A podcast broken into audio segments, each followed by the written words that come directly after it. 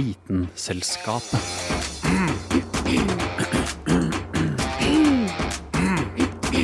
Vitenselskapet. Det er ei barnlig glede å kunne prate om de mest banale funksjonene våre. Vitenselskapet har sørga for at vi får lov til å prate om tiss, bæsj og promp på radiobølgene. For det er nemlig dagens tema. Du skal få høre om bæsj fra dinosaurer, insekter som er over gjennomsnittet glad i avføring, kloakksystemet og vårt eget tarmsystem.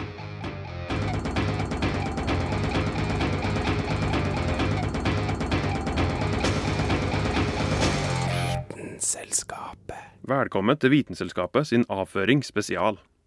Jeg heter Karl Hans Kvam og skal dra deg gjennom kloakken denne halvtimen. Pass opp for passerende, uidentifiserte flytende objekt, og heller for noe sånt.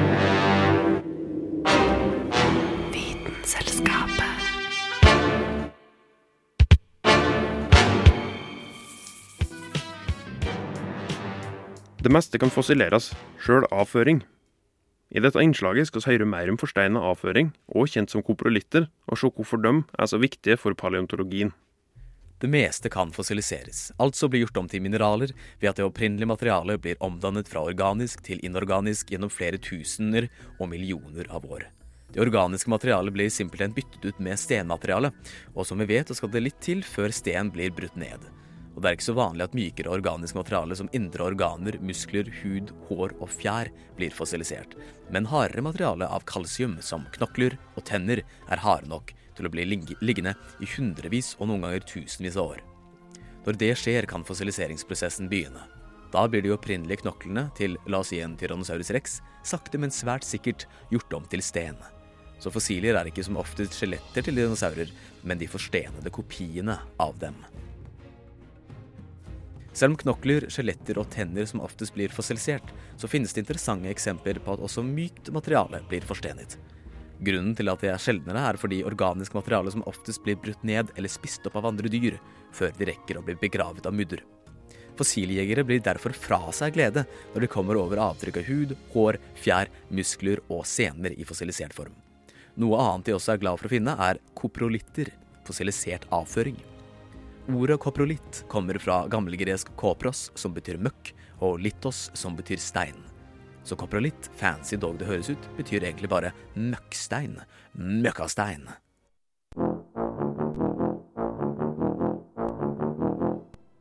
Koprolitter er da fossiler som stammer fra organisk materiale. Men det er ikke fossiler av selve dyret, men dyrets avføring. Derfor regnes koprolitter som sporfossiler altså fossiler som sier oss noe om dyrets atferd, hvor det levde, hvordan det levde, og ikke minst hva det spiste. Grunnen til at koprolitter er så verdifulle for paleontologer, er nettopp fordi man kan si en enorm mengde om et dyr basert på hva det spiste. Ikke bare kan man si mye om hva dyret spiste, basert på dens avføring, men man kan si mye om omgivelsene til dyret. Dette er spesielt viktig hvis man ikke har plantefossiler i nærheten. Hvis man ikke har plantefossiler i nærheten, kan man bare se på avføringen til en planteetende dinosaur for å finne ut hvilken planter den spiste, og dermed hvilket arborealt landskap den levde i.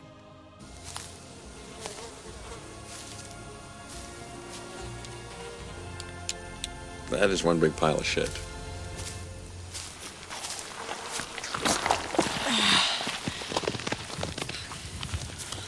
You're right. There's no trace of lilac berries. Hvis du ser på fotografier av koprolitter, så ser du ut akkurat som du tror de ser ut. Bæsj som er gjort om til stein. Ved å åpne steinene kan paleontologene se på innholdet, og hvis identiteten til dyret som produserte avføringen er uviss, så kan man finne det ut ved å se på hva koprolitten inneholder. Er det små benrester fra dyr, da er det mest sannsynlig en kjøtteter. Er det fiber og plantemateriale, da er det mest sannsynlig den forstenede avføringen til en planteeter du har i hendene. Siden det er så mye informasjon å hente fra koprolitter, så har studiet av dem fått et eget navn, paleoskatologi, som betyr studie av gammel avføring. Og med tanke på at koprolitter er ganske sjeldne, så sier det noe at man har et eget fag dedikert til studiet av dem.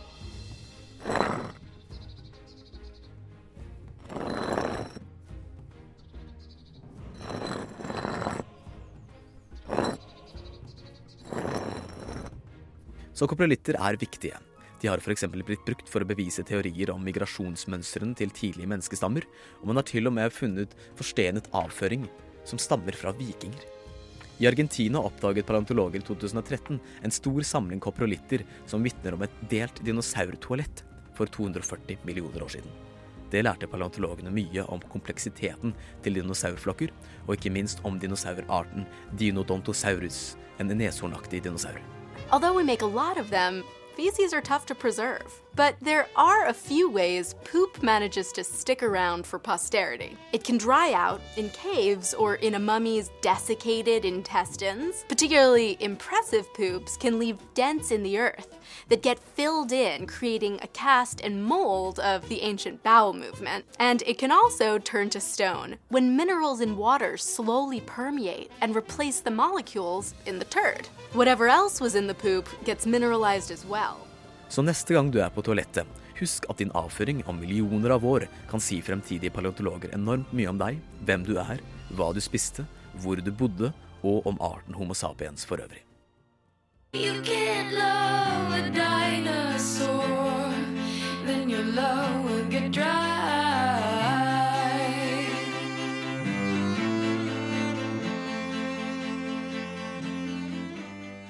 Innslaget var laget av Dag August Smedling Dramer.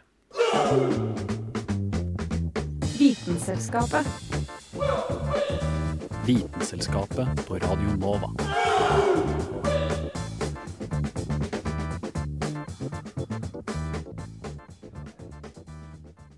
Du gjør det hver dag, så automatisk at du antageligvis ikke tenker nevneverdig over det. Du går på do, trekker ned, men hva skjer så? Hva prosesser må kloakken gjennom før den er trygg å slippe ut? Også besøkt et renseanlegg for å finne ut av dette. Så er det jo Det lukter ikke så ille som man skulle tro, men det kan være at dere syns det lukter litt fælt. Og vi blir jo litt vant til det, vi som jobber her. Men eh, noen besøkende kan gå ut og gjøre sånn, snippe jakka og bare Å. Men eh, det er sånn som går vekk fort. Så det er ikke noe, det er ikke noe sånn farlig. Prosjektingeniør Katrine Kjos Five viser oss rundt på Bekkelaget renseanlegg. Hit strømmer kloakken fra hele østsiden av Oslo, blir rensa og pumpes ut i fjorden gjennom et rør som er 140 cm i diameter. Det vi ser når vi går inn i anlegget, det er faktisk utløpet. Så det store røret som går ved siden av oss nå, det er utløpsvann. Så det er kloakk som har kommet inn til anlegget, som har blitt behandla, og som vi sender ut igjen i Oslofjorden på ca. 50 meters dyp. Anlegget er bygget flere meter under bakken og er det nest største kloakkrenseanlegget i Norge. Det strekker seg faktisk over hele 40 000 kvadratmeter. Det, det er veldig stort. Det er så stort at man ikke helt ser det for seg. Men eh, man kan fint gå seg bort her hvis man er for seg sjøl. Det kan man. Så um, anlegget er jo delt inn i flere områder, avhengig av hvilken funksjon det har. Så vi kan starte med halv én, som er første. Det første som møter oss, er en rekke med konteinere. De inneholder resultatet av første trinn i renselsesprosessen. De her blå konteinerne det er ristgodscontainere og sandcontainere. Og det Grunnen til at vi har dem, er at sammen med, sammen med kloakken så kommer det veldig mye sand. Det kommer veldig mye ting, altså søppel. Eh, og det kan vi ikke ha med oss inn i resten av renseprosessen, så da må vi ta ut det. Så da tar vi dem ut ved hjelp av sånne rister, eh, og så setter vi dem på containere. Så det som skjer, er at vannet kommer inn under dekket der, i en, stor kanal. Og så blir det pumpa opp der dere ser det går skrått. Og så kommer kloakken inn til ristene. Og ristene er de som står på skrå rett der. Og ristene er det første, første prosesssteget. Så da får kloakken gå gjennom, og så samler vi opp alt som er søppel og så folk kaster i do, som de ikke skal kaste i do, da. Etter at søppelet og dopapiret er blitt silt gjennom ristene, litt som gjennom et dørslag, må sand og fett fjernes.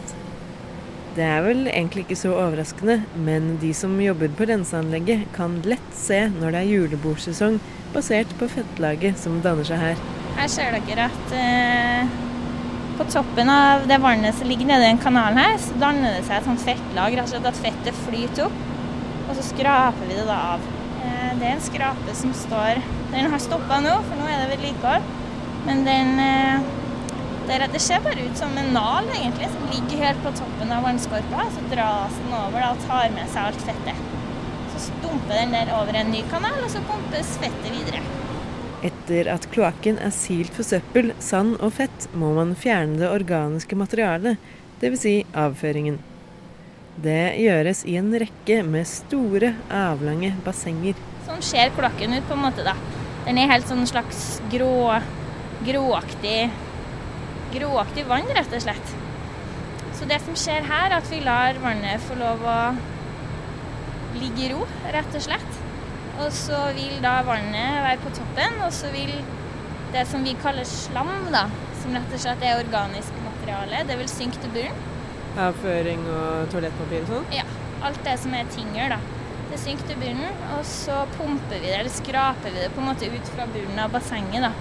Slammet som filtreres ut av vannet, puttes på store tørketanker, der det får ligge og godgjøre seg og lage gasser. Metangassen som lages her, selges bl.a. som drivstoff til busser, og den komposten som da blir igjen, blir til gjødsel. Men eh, selv om det meste av det organiske avfallet er borte, er ikke vannet rent nok. Nå må man nemlig fjerne nitrogenet. Her ser man litt mer hvordan eh, kloakken ser ut når man på en måte samler, samler mye av det som inneholder slam. Da. Så hvis du ser her, så ser det ut som en, rett og slett en brun, eh, brun, tynn flytende væske. Men det her er da en del av slammet. Da. Så det som skjer i denne prosessen her, er at man sender inn kloakken. Og her bor det bakterier. De bakteriene som bor her, de fjerner og spiser nitrogenforbindelser. Og så slipper de ut nitrogengass. Så det er det som skjer her. Går nitrogengassen ut et sted, eller er det det vi puster inn nå? Den bare nitrogengassen som bakteriene fjerner, den stiger bare opp fra overflata. Den er jo heldigvis ikke farlig, så den kan puster vi jo inn uansett. Nitrogenet fjernes altså ved at vannet går gjennom flere store bassenger med ulike bakteriekulturer.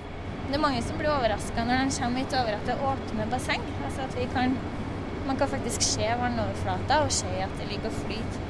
Sånn som her nå eksempel, så ser vi at det er noen på en måte klumper eller flak da, med slam som har, ja, ligger på toppen av vannflata. Nå er søppelet, fettet, sanda, avføringen og nitrogenet fjerna, og kloakkvannet begynner å nærme seg rent. Det ser imidlertid ikke sånn ut, og det gjenstår ett filter før det blir blankt og fint. Her ser vi filtrene våre.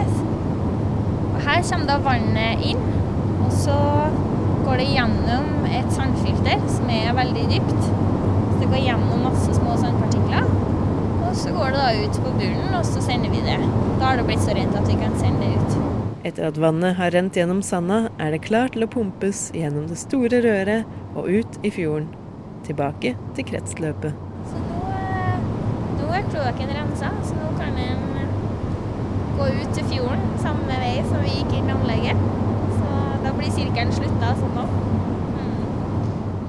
Og den som besøkte renseanlegget på Bekkelaget, var Kristin Grydland. Vitenselskapet. Vitenselskap. Vitenselskapet. Vitenselskapet. Vitenselskapet. Saftig, klissete og brunt. Og veldig populært å ete. I hvert fall for noen av jorda sine skapninger.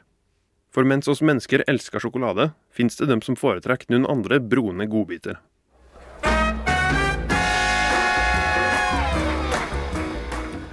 Å spise avføring kalles koprofagi, fra de greske ordene kopro, avføring, og fagin, å spise. Individer innen mange ulike arter kan utvise bæsjspisende atferd, men i de fleste tilfellene, som blant oss mennesker, så blir en sånn atferd sett på som litt unormalt. Blant tordivlene, eller dung beetles derimot, er ekskrementer en del av det vanlige kostholdet. Grunnen til at tordivlene er koprofager, altså bæsjspisere, er at avføringa til andre dyr inneholder alle næringsstoffene som tordiveren trenger. Særlig god er avføringa til planteetende dyr, fordi denne inneholder mye ufordøyd plantemateriale, framfor bæsjen til kjøttetende dyr, som inneholder lite næringsstoffer. Nyere forskning indikerer imidlertid at mange tordivler tiltrekkes mest av avføringa til altetende dyr, fordi denne både inneholder næringsstoffer og har en sterk lukt. Tordivler bruker nemlig luktesansen sin til å finne bæsj i nærheten.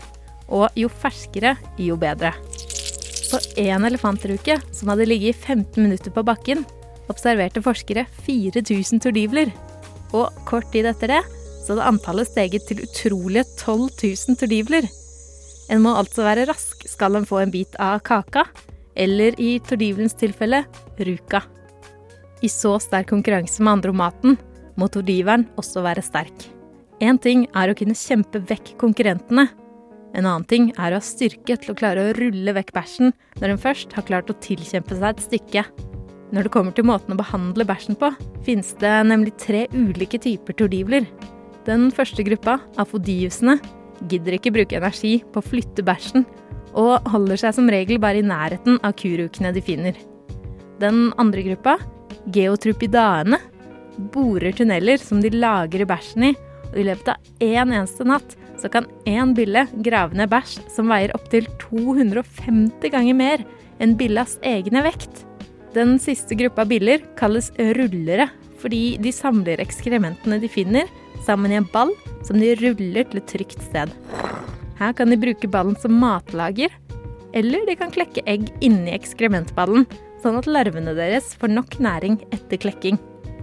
Med tanke på at én møkkball kan veie opptil 50 ganger mer enn en tordivel, bør man tro at det gir larvene mer enn nok næring de første levedagene. Om du synes at å rulle 50 ganger mer enn din egen kroppsvekt høres imponerende ut, er det imidlertid ingenting mot verdensrekorden. En mannlig ontfagus taurus-tordivel dro en gang en last som veide 1141 ganger mer enn ham selv, og det er det samme som at et vanlig menneske skulle trukket seks fulle dobbeltdekkerbusser. Noe annet som er veldig kult med tordivlene, er at de er de eneste insektene som det er bevist bruker galaksen til å orientere seg.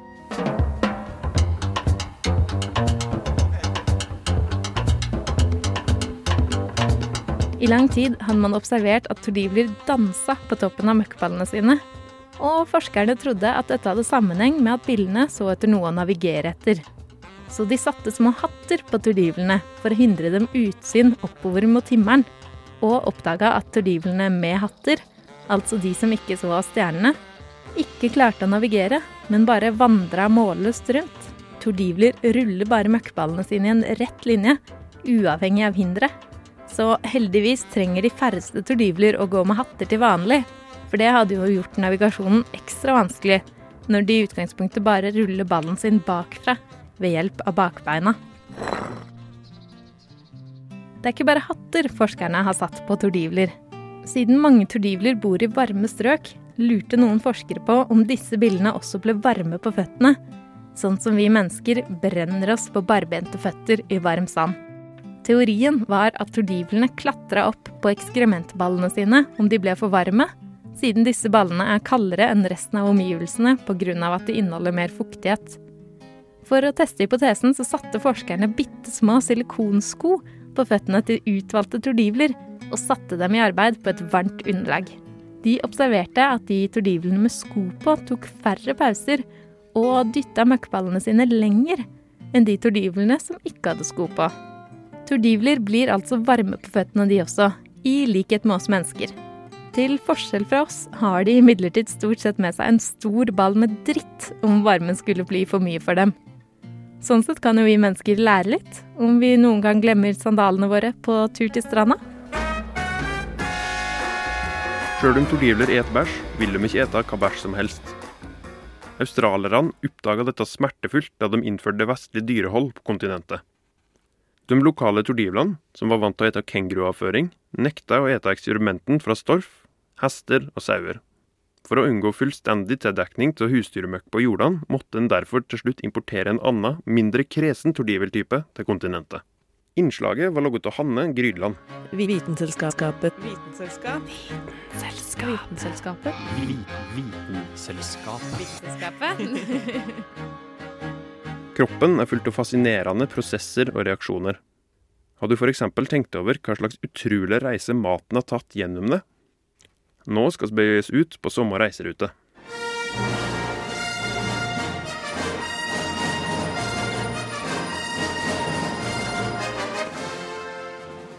Vi skal ut på en reise. En reise til et spennende sted med yrende liv. Vi skal nærmere enn du tror.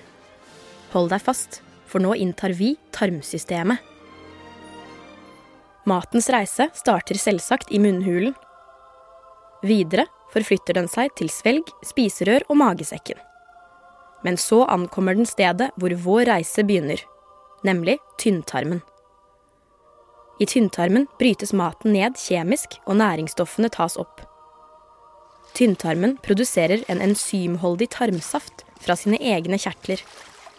Totalt skilles det ut 8-10 liter væske som blandes med maten vi spiser. I begynnelsen av tynntarmen finner vi tolvfingertarmen. Her produseres to hormoner som skal stimulere bukspyttkjertelen og galleblæren. Disse spiller begge en viktig rolle når mat skal brytes ned. Enzymet i bukspytt bryter nemlig ned alle hovedgruppene av næringsstoffer, mens gallen primært bryter ned fett. Tynntarmen er fem til seks meter lang. Innsiden av tarmen består av en slimhinne som er besatt av små millimeter lange utposninger. Disse kalles tarmtotter. Man regner med at det finnes ca. fire millioner slike totter i tynntarmen. På disse små tottene sitter det mikroskopiske hår som suger opp næringsstoffene fra maten som passerer. Hårene suger altså til seg de nedbrutte næringsstoffene, sammen med salt og vitaminer, før de overføres til blodårene i tarmtottene. Videre transporteres næringsstoffene til leveren sammen med blodet. Maten skyves gjennom tynntarmen ved hjelp av muskelveggenes bevegelser, såkalte peristaltiske bølger. Etter tynntarmen forflytter maten seg til tykktarmen, som er ca. to meter lang.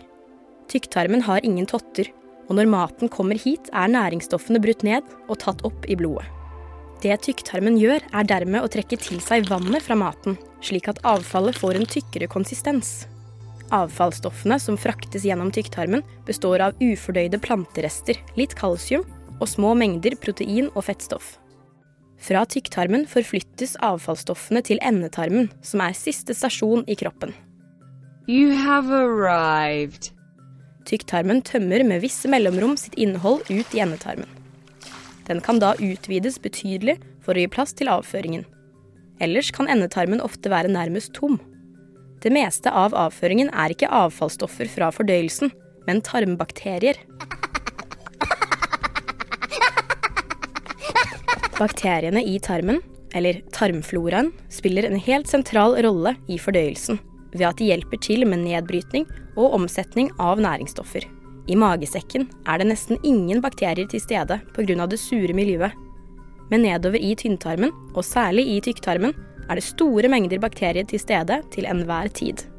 I ett gram avføring er det 1012 bakterier. Disse lever vanligvis i balanse med hverandre og med kroppen. Men du sitter kanskje nå og tenker på hvor blindtarmen blir av. Er ikke den også en del av fordøyelsen? Jo, det er den. Blindtarmen er den første delen av tykktarmen. Den skaper et beskyttet miljø for bakterier som er nødvendige for å bryte ned næringsstoffer. Den fungerer altså nesten som et reservelager med tarmbakterier. Dersom den blir betent, kan den fjernes uten vesentlige konsekvenser. Leger har lenge fundert over hvilken funksjon blindtarmen egentlig har, ettersom personer som har fått blindtarmen fjernet, klarer seg helt fint. Forskerne tror dette kan forklares med at vi som lever i industrialiserte samfunn med gode hygieniske levevilkår, ikke trenger et reservelager med gode bakterier. Nå er det på tide å vende hjem igjen. Men tenk for en nydelig reise vi har hatt. Fra tynntarm til tykktarm og endetarm. For ikke å snakke om den rare og litt mystiske blindtarmen. Takk for turen, og husk at du hver dag er reiseleder for maten du spiser. Innslaget var logget av Agnes Alstad Mogstad.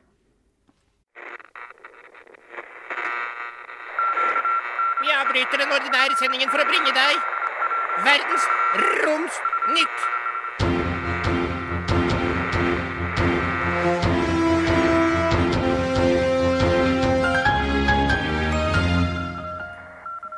Og hjertelig velkommen til Verdensromsnytt, innslaget som uh, reaches for the moon, and when you don't uh, get there, you end up with the stars Den matematiske sannsynligheten for at vi mennesker er alene i verdensrommet, er svært liten. I et halvt århundre har astrofysikere hevdet at det må eksistere andre livsformer, og først nå kan de vise til en artikkel publisert i Astrobiology som gir belegg for dette. Det er Adam Frank og Woodruff Sullivan som forsøker å gi svar ved hjelp av The Drake Equation. You used to call me on my cell phone. Ligningen er laget av astrofysikeren Frank Drake i 1961 for å beregne sannsynligheten av utenomjordisk liv i Melkeveien. Dessverre var for mange av variablene den gang ukjente, så løsningen forble totalt hypotetisk.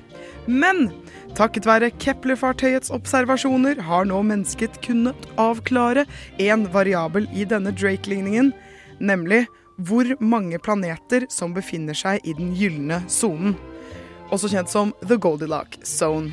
Det viser seg at en femdel av alle stjernene vi vet om, har planeter i en akkurat passe avstand, slik at vann kan eksistere.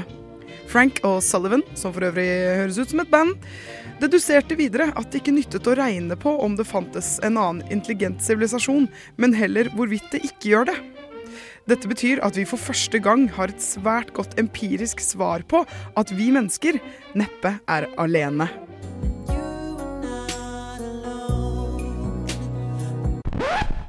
Om du fremdeles skulle tvile på at dette er tilfellet, kunne forskere ved MIT og Universitetet i Belgia i går avsløre at de har oppdaget tre eksoplaneter som kan huse liv. Disse kandidatene ligger ungefær 40 lysår unna oss og er i bane rundt en kald, nesten brun dverg.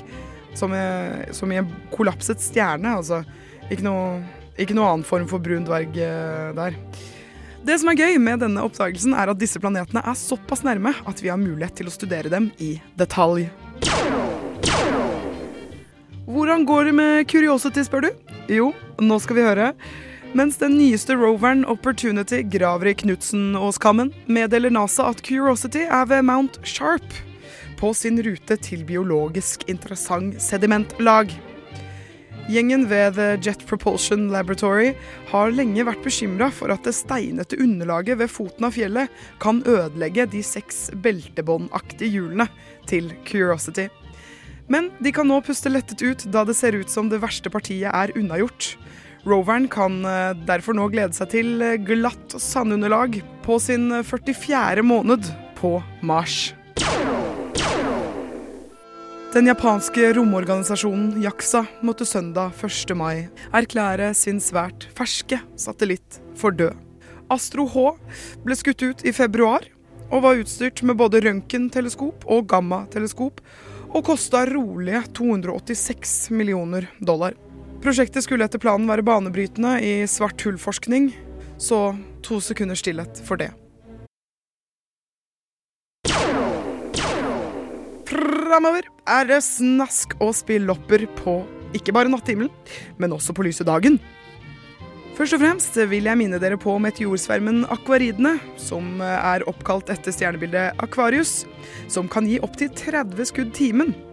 Har du en natt til overs unna lysforurensning, ville jeg ha benytta muligheten som griser ikke har, nemlig å se oppover, i håp om å oppleve stjerneskudd. Den største begivenheten i mai er allikevel Merkurpassasjen. Sakte, sakte vil den lille steinplaneten gli over solskiva den 9. mai. Fra klokken ett på dagen til klokken åtte på ettermiddagen. Dette er en veldig sjelden begivenhet som kan nytes fra hele Norge. Men husk for all del å bruke solfilter på teleskopet. Passasjen kan ikke ses med det blotte øyet. Og om eh, været holder, vil det også være flere som streamer begivenheten. Så fortvil ei om du ikke er eier av et teleskop. Så da gjenstår det bare for meg å si fra brunstjerna til månetoppen. Johanne Furuseth, over og ut. Vitenselskapet. Det er kanskje ikke bæsj en tenker på at en skal høre om når en setter seg ved radioen, men jaggu blir en opplyst lell. Fram til neste uke finner du Vitenselskapet i dusjen i et forgjeves forsøk på å skrubbe bort bæsjlukta. Og så høres vi om ei uke. Vitenselskapet.